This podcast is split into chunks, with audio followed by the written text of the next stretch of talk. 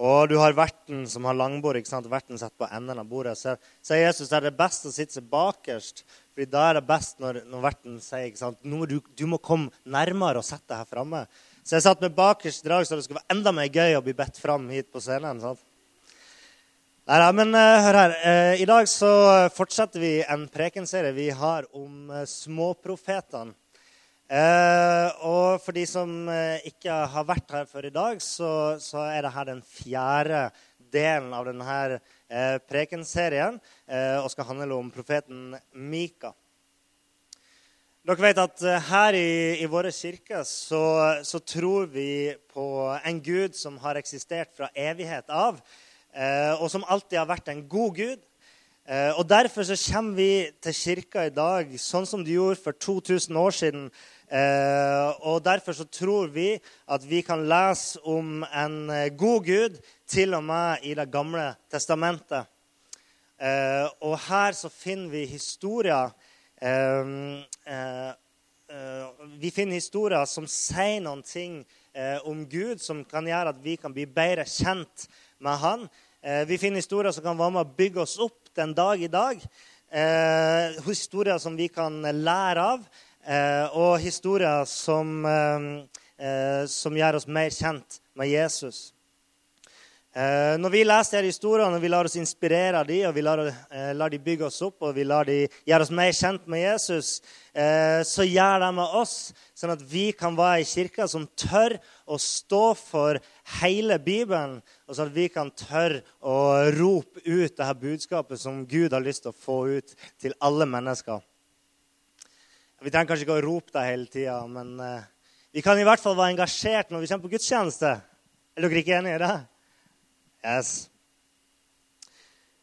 Eh, de her små profetene som vi har om, det er en rekke med bøker eh, helt til slutten av Gammeltestamentet som er skrevet mellom ca. år 900 eh, til år 400 før Kristus.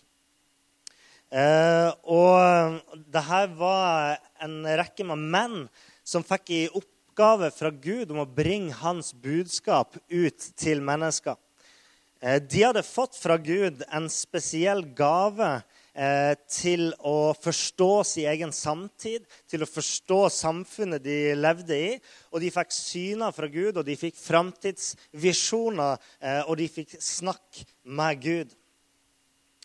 Og vi må huske at På denne tida så var det jo bare noen få mennesker som hadde det privilegiet å kunne ha en sånn nær og åndelig direkte kontakt med Gud, sånn som profetene kunne.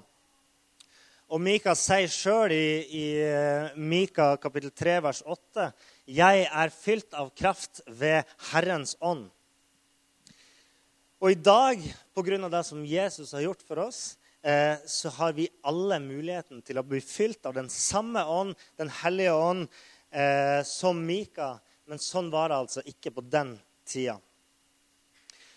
Eh, og grunnen til at Mika og alle de profetene som vi har om i denne serien, eh, fikk dette eh, oppdraget fra Gud og fikk, eh, fikk, bli fylt av Den hellige ånd, det var for å kunne fortelle folk eh, f.eks. hva som var gærent eh, med livet de levde, og samfunnet de levde i.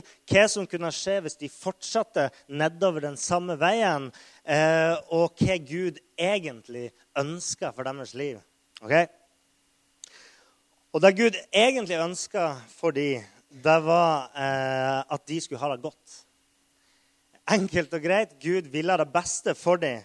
Han ville vise dem barmhjertighet men ofte så gikk menneskene en farlig vei som førte dem vekk fra Gud. Eh, og jeg tenker jo litt sånn at eh, på mange måter så kan vi sammenligne de her profetene med på en måte nåtidens eh, samfunnseksperter og kritikere osv. Eh, dere vet sånne folk som er skikkelig interessert i fotball. De ser gjerne ikke bare fotballkamp. Men et kvarter før kampen så skrur de på TV-en, og da skal de få med seg fotballekspertene som sitter og synser om eh, hvordan det her kan gå, hvordan styrker og svakheter de forskjellige lagene og de forskjellige spillerne har, og, og hva de her lagene er nødt til å gjøre for å vinne. Og Hvis ikke det var nok med et sånn eh, ekspertpanel før kampen, så kan man jo være så heldig at man hører en halvtime av samme pjattet etter kampen. Nå har jo ikke jeg noensinne sett et helt sånn der ekspertpanel eh, på en måte prate i hele mitt liv, da. så jeg vet kanskje ikke helt hva jeg prater om, men sånn cirka. Jeg tror det er sånn det er. Eh, men eh, i dag er det sånn, vi har sånne type eksperter på alle områder av samfunnet, av liv og helse. Og de tar opp spørsmål som og spår gjerne hvordan boligmarkedet kommer til å utvikle seg, og de uttaler seg om hvordan pålegg man skal ha på brødskiva nå til dags.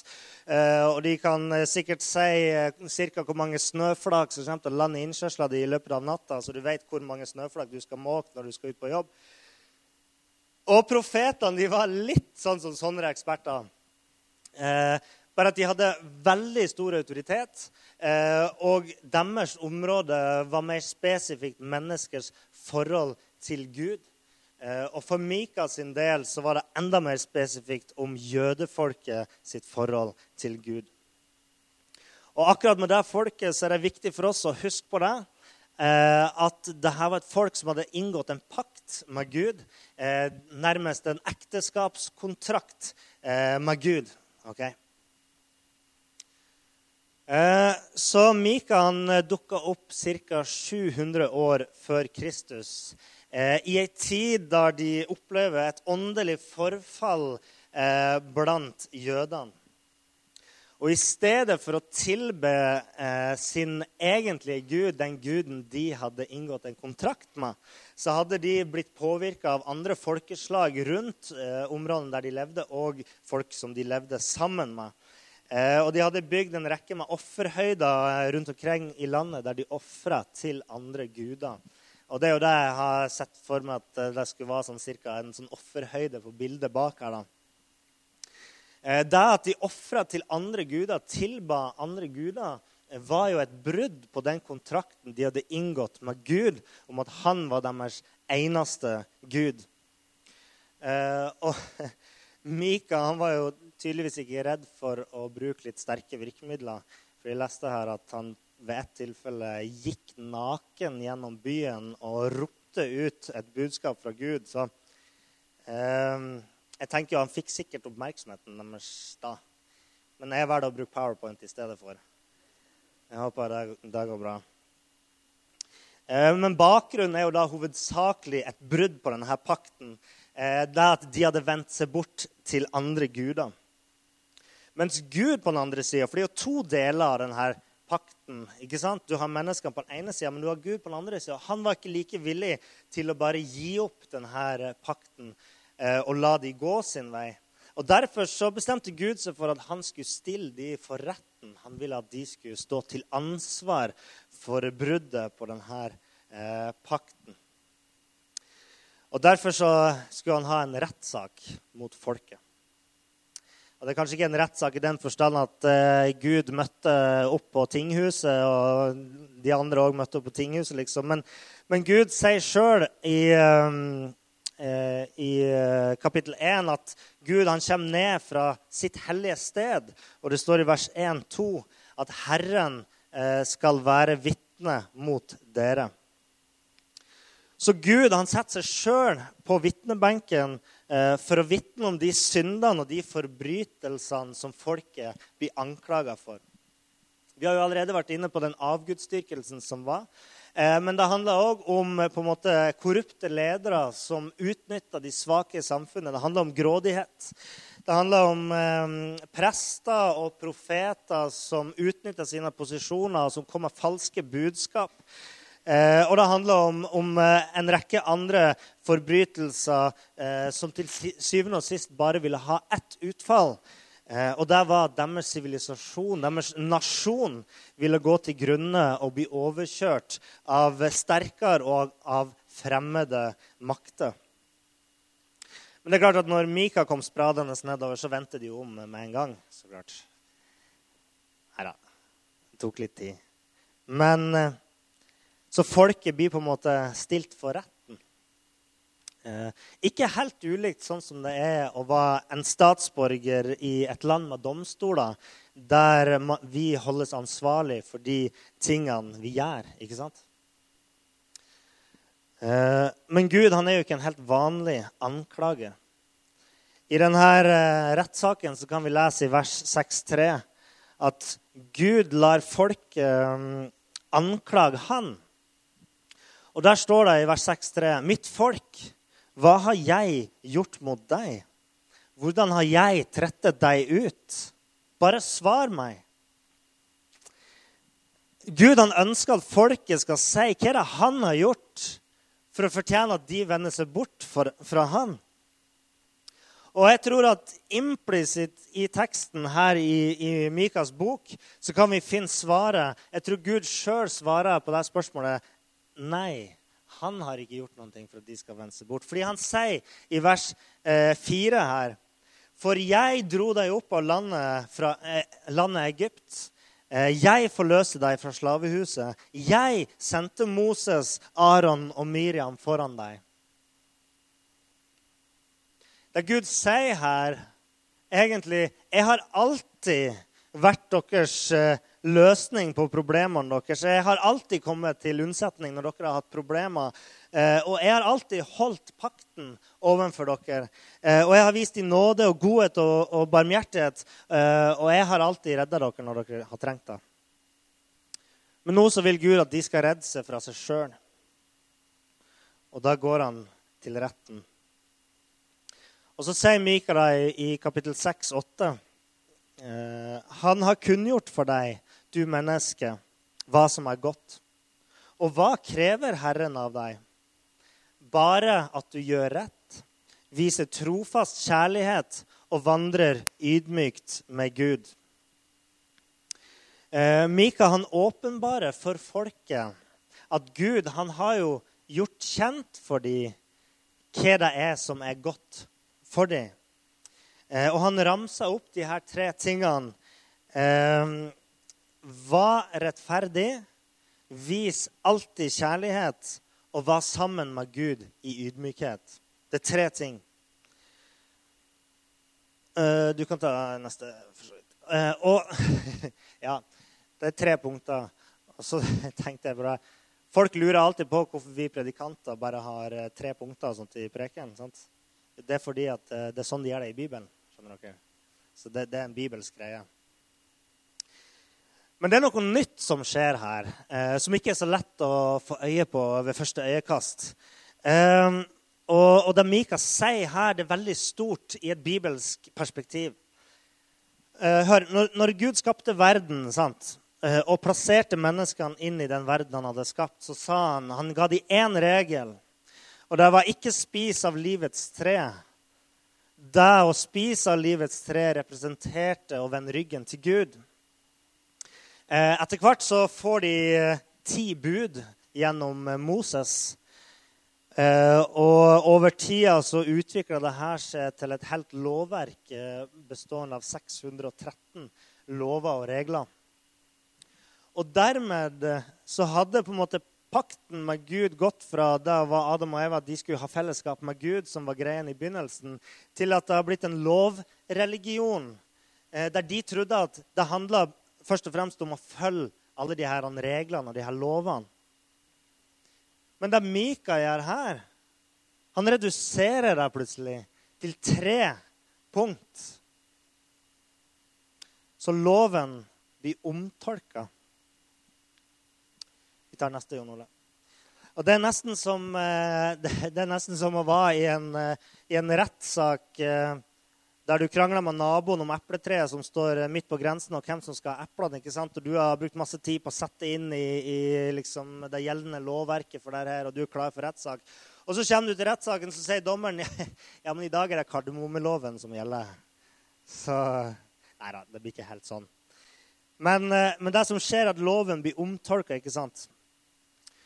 Uh, og så her kommer liksom Gud og forteller dem at det er sånn at pakten med han det er ikke først og fremst bare å følge alle de her lovene og reglene. I bunn og grunn så handler det om de her tre tingene som vi så i stad. eh, vær rettferdig, vis alltid kjærlighet, eh, gå sammen med Gud i ydmykhet. Og i det så ligger det på en og samme tid både nåde, men òg et skjerpa fokus. Og jeg sier nåde fordi det handler ikke lenger om eh, hvorvidt du skulle klippe sauen din på langs eller på tvers eh, når du klipper ulla på den. Og et skjerpa fokus, fordi her så ser de plutselig hva det er som er poenget med hele loven, poenget med hele pakten med Gud. Å leve godt og gå sammen med Gud.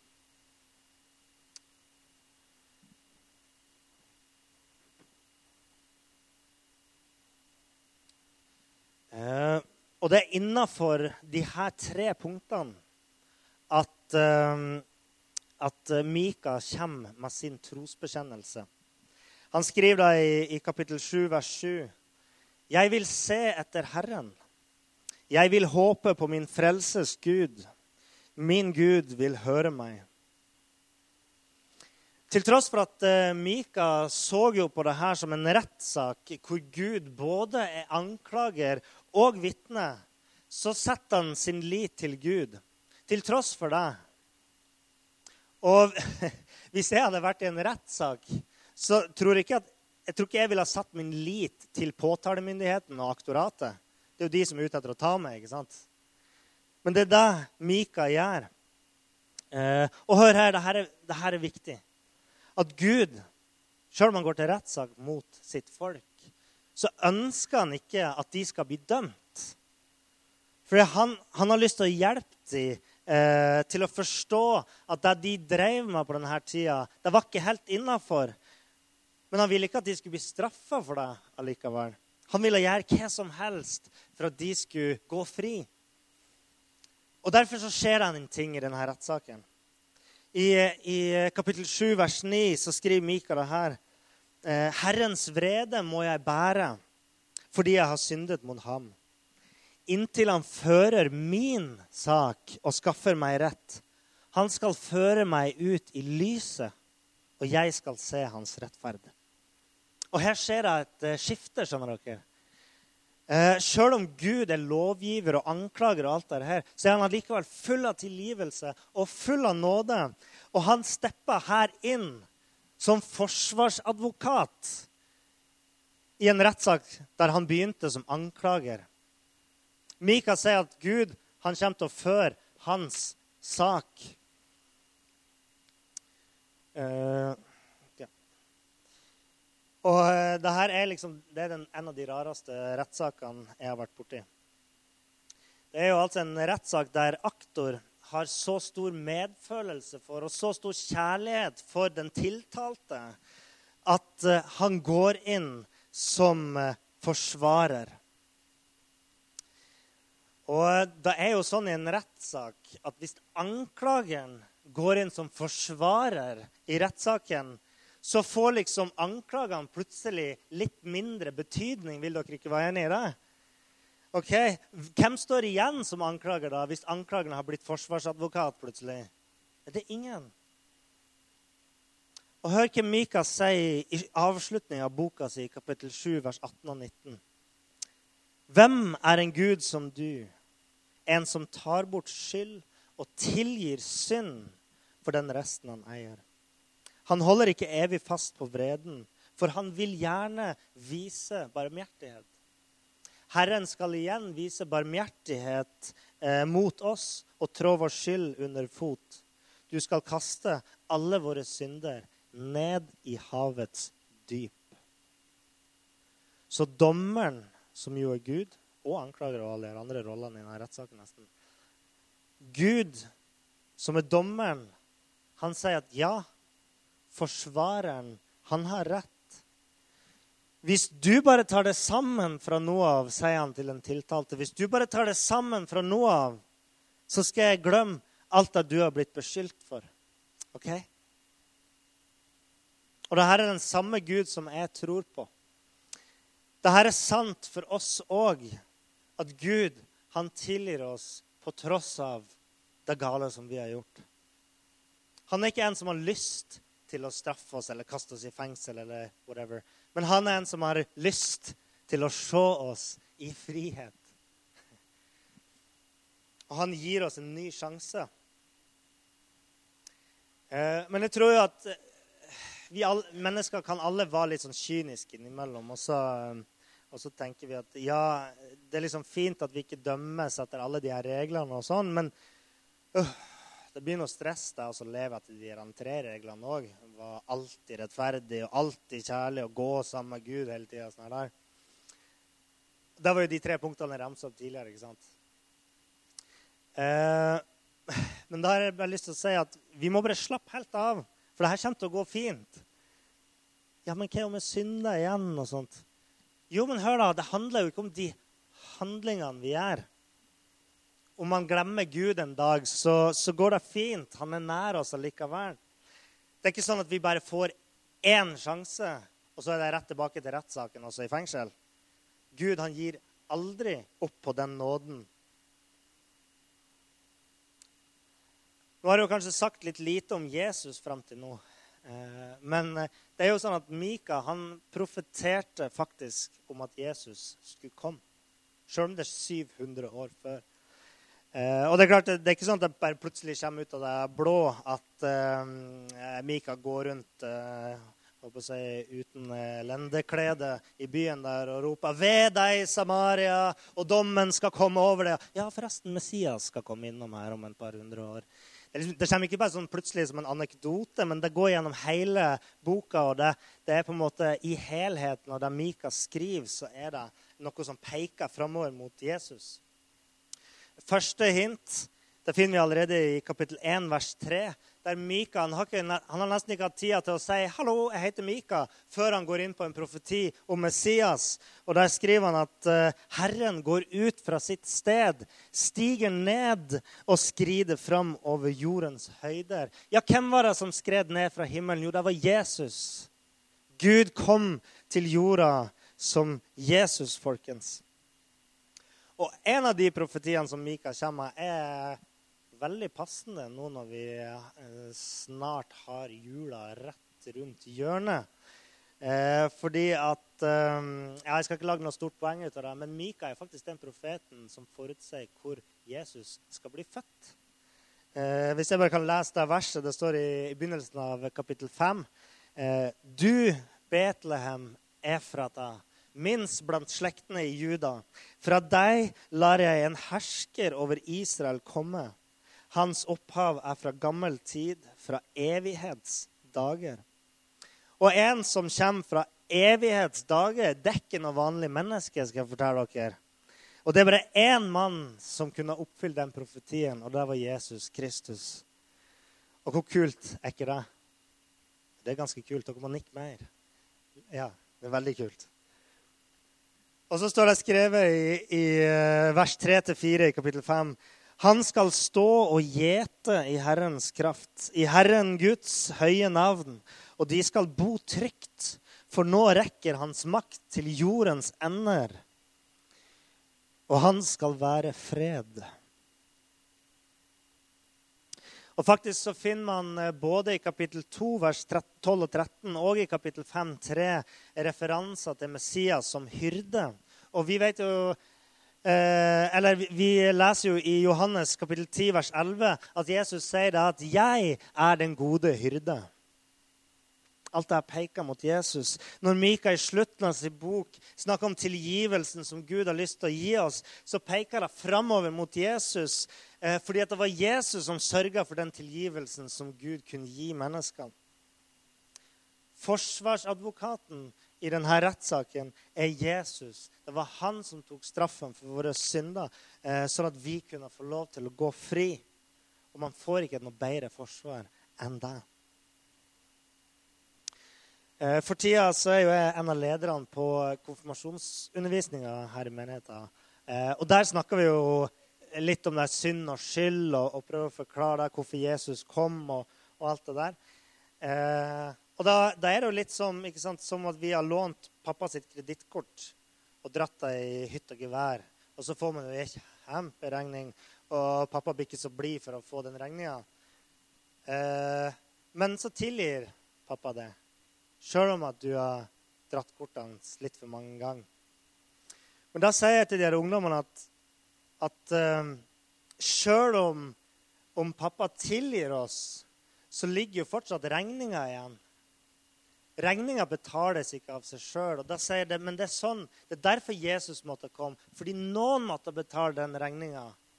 Og regninga ble betalt av Jesus. Og det er nok ikke sånn at Mika forsto alt dette, sjøl om han profeterte om det. Så er det ikke sikkert han forsto alt eh, om hva som skulle skje. Eh, men fylden eh, og helheten av de profetiene vi leser om i de her små profetene, de peker mot Jesus. Jeg er snart ferdig, altså. Men det er jo sånn at eh, når vi leser de her profetbøkene, så kan det jo hende at vi, vi opplever ikke akkurat det her som en Snapchat. Litt mer som en Slapchat. Han er god. Ok, men eh, Snapchat er en sånn bildedelingsapp som ungdommene har på telefonen sin. De sender bilder, for de tror at alle syns det er interessant. At, uh, at de setter og ser på TV på ettermiddagen, liksom, så tar de bilder av TV-en. så se hva jeg ser på. Og det er jo koselig der, da. Eh, men eh, her så virker det mer som en Snapchat, og slap er jo engelsk for å få en liten sånn klaps. ikke sant? Eh, og det er jo, Jeg sier det fordi at i stedet for at det fremstår som et, at du får et hyggelig bilde fra, fra, Gud, der han kommer for å si liksom 'Å, så flink dere har vært, folket mitt', så kommer han jo heller og tegner et mye mørkere bilde om hvordan, eh, denne, hvordan det står til med denne pakten, og hvordan det her folket har vært ulydig mot Gud og vendt seg bort fra han. Eh, og folket settes heller på tiltalebenken foran Gud som anklager. Eh, men det som er viktig for oss å forstå her i, i Mika, det er å, å forstå det at Mika forteller oss at det er et lys i enden av tunnelen. Vi kan se det gjennom denne historien, gjennom dette budskapet han kommer.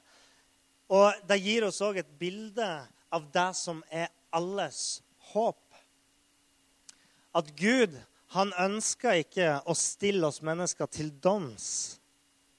Og det gjelder oss òg. I sin barmhjertighet og i sin godhet så ønsker Gud å sette oss fri. Og det er ikke sikkert at du føler at du har gjort så mye galt her i livet. Og det er ikke sikkert at alle i det folket, jødefolket hadde gjort så mye gærent i livet sitt heller. Men det handla òg om at, de hadde snudd ryggen til Gud, og at kanskje at de ikke kjente han i det hele tatt. Men uansett hva det er som gjør at vi er borte fra Gud, så kan vi få Gud som vår forsvarer i denne rettssaken. Jesus sjøl er vår forsvarsadvokat. Og hans oppgave det er å gå i forsvar for oss mennesker, for alle mennesker som innrømmer at OK, men jeg er ikke perfekt. Jeg trenger noe mer. Og Guds største ønske er å kunne få lov til å være forsvarsadvokaten sjøl til de menneskene som er overbevist om at de er perfekte. Han vil være for alle. Så Gud, han kaller på det. Han kaller på det hver dag. Han har lyst til å gi deg en ny sjanse. Gå sammen med Gud, så vil han sette deg i frihet. Gå sammen med Jesus, så vil han gi deg kraft til å leve i rettferdighet og i kjærlighet. OK? Eh, og så vet du, Når du kommer hit på, på søndagsgudstjeneste eller hører prekenene våre på podkast, så får du et lite innsyn, og du får sett en brøkdel av hva det vil si eh, å drive kirka, eh, og hva det vil si å, å, å være en kristen, og hva det vil si hva livet med Jesus egentlig er for noen ting. Men hvis du kjenner at det er noe her som appellerer til det, det er noe her som treffer deg på en spesiell måte, så vil jeg gjerne utfordre deg på det. Okay? Jeg har lyst til å utfordre dere på det. Eh, til å ta et steg videre. Eh, jeg har lyst til at alle bare skal lukke øynene sine. Hvis alle bare kan lukke øynene sine i respekt for sidemannen. Eh, Og Mika han bekjente sin tro, og han sa da at 'Jeg vil se etter Herren. Jeg vil håpe på min frelses Gud. Min Gud vil høre meg.' Og Vi skal ta en håndsopprekning, men jeg har lyst til at alle skal lukke øynene, sånn at uh, det kan være en privatsak for de som ønsker å rekke opp hånda på det her. Uh, for jeg har lyst til å spørre? Hvis, hvis denne trosbekjennelsen er noe som du kjenner på at, uh, at det her begynner å bli virkelig for deg Ja, kanskje jeg tror litt på det her. Og hvis du setter og tenker at, at kanskje er det et håp i Jesus, og kanskje er det sånn at Gud faktisk bryr seg om meg og ser meg så kan du få lov til å løfte opp hånda di i dag. Gud velsign deg. Gud velsign deg. Gud velsign deg. Gud velsign deg. Takk, Jesus. Fantastisk. Gud velsigne. Mm. Gud velsigne. Jeg har lyst til at vi skal avslutte med å bare be en bønn sammen. Eh, og vi, vi ber denne bønnen sammen i våre hjerter. Himmelske Far, jeg bare takker deg sånn for at eh, du er så god imot oss. Eh, jeg takker deg for at du kommer ikke med et budskap om fortapelse, men du kommer med et budskap om håp for, for oss alle. Og jeg takker deg som far, for at du går i forsvar for oss. Eh, til tross for vår skyldighet så gir du oss en ny sjanse. Og, og jeg vil si som Mika, far, at jeg ser etter det, Herre. Eh, jeg setter mitt håp i det. Eh, og jeg tror at du er interessert i mitt liv, og at du hører meg når jeg kommer til det. Og jeg ber Gud om at eh, når jeg går sammen med det, så skal du hjelpe meg med å leve sånn som du vil. At jeg skal kunne leve et liv der jeg gjør det som er rett, og at jeg lever et liv i kjærlighet, far. Det ber jeg om i Jesu navn. Amen.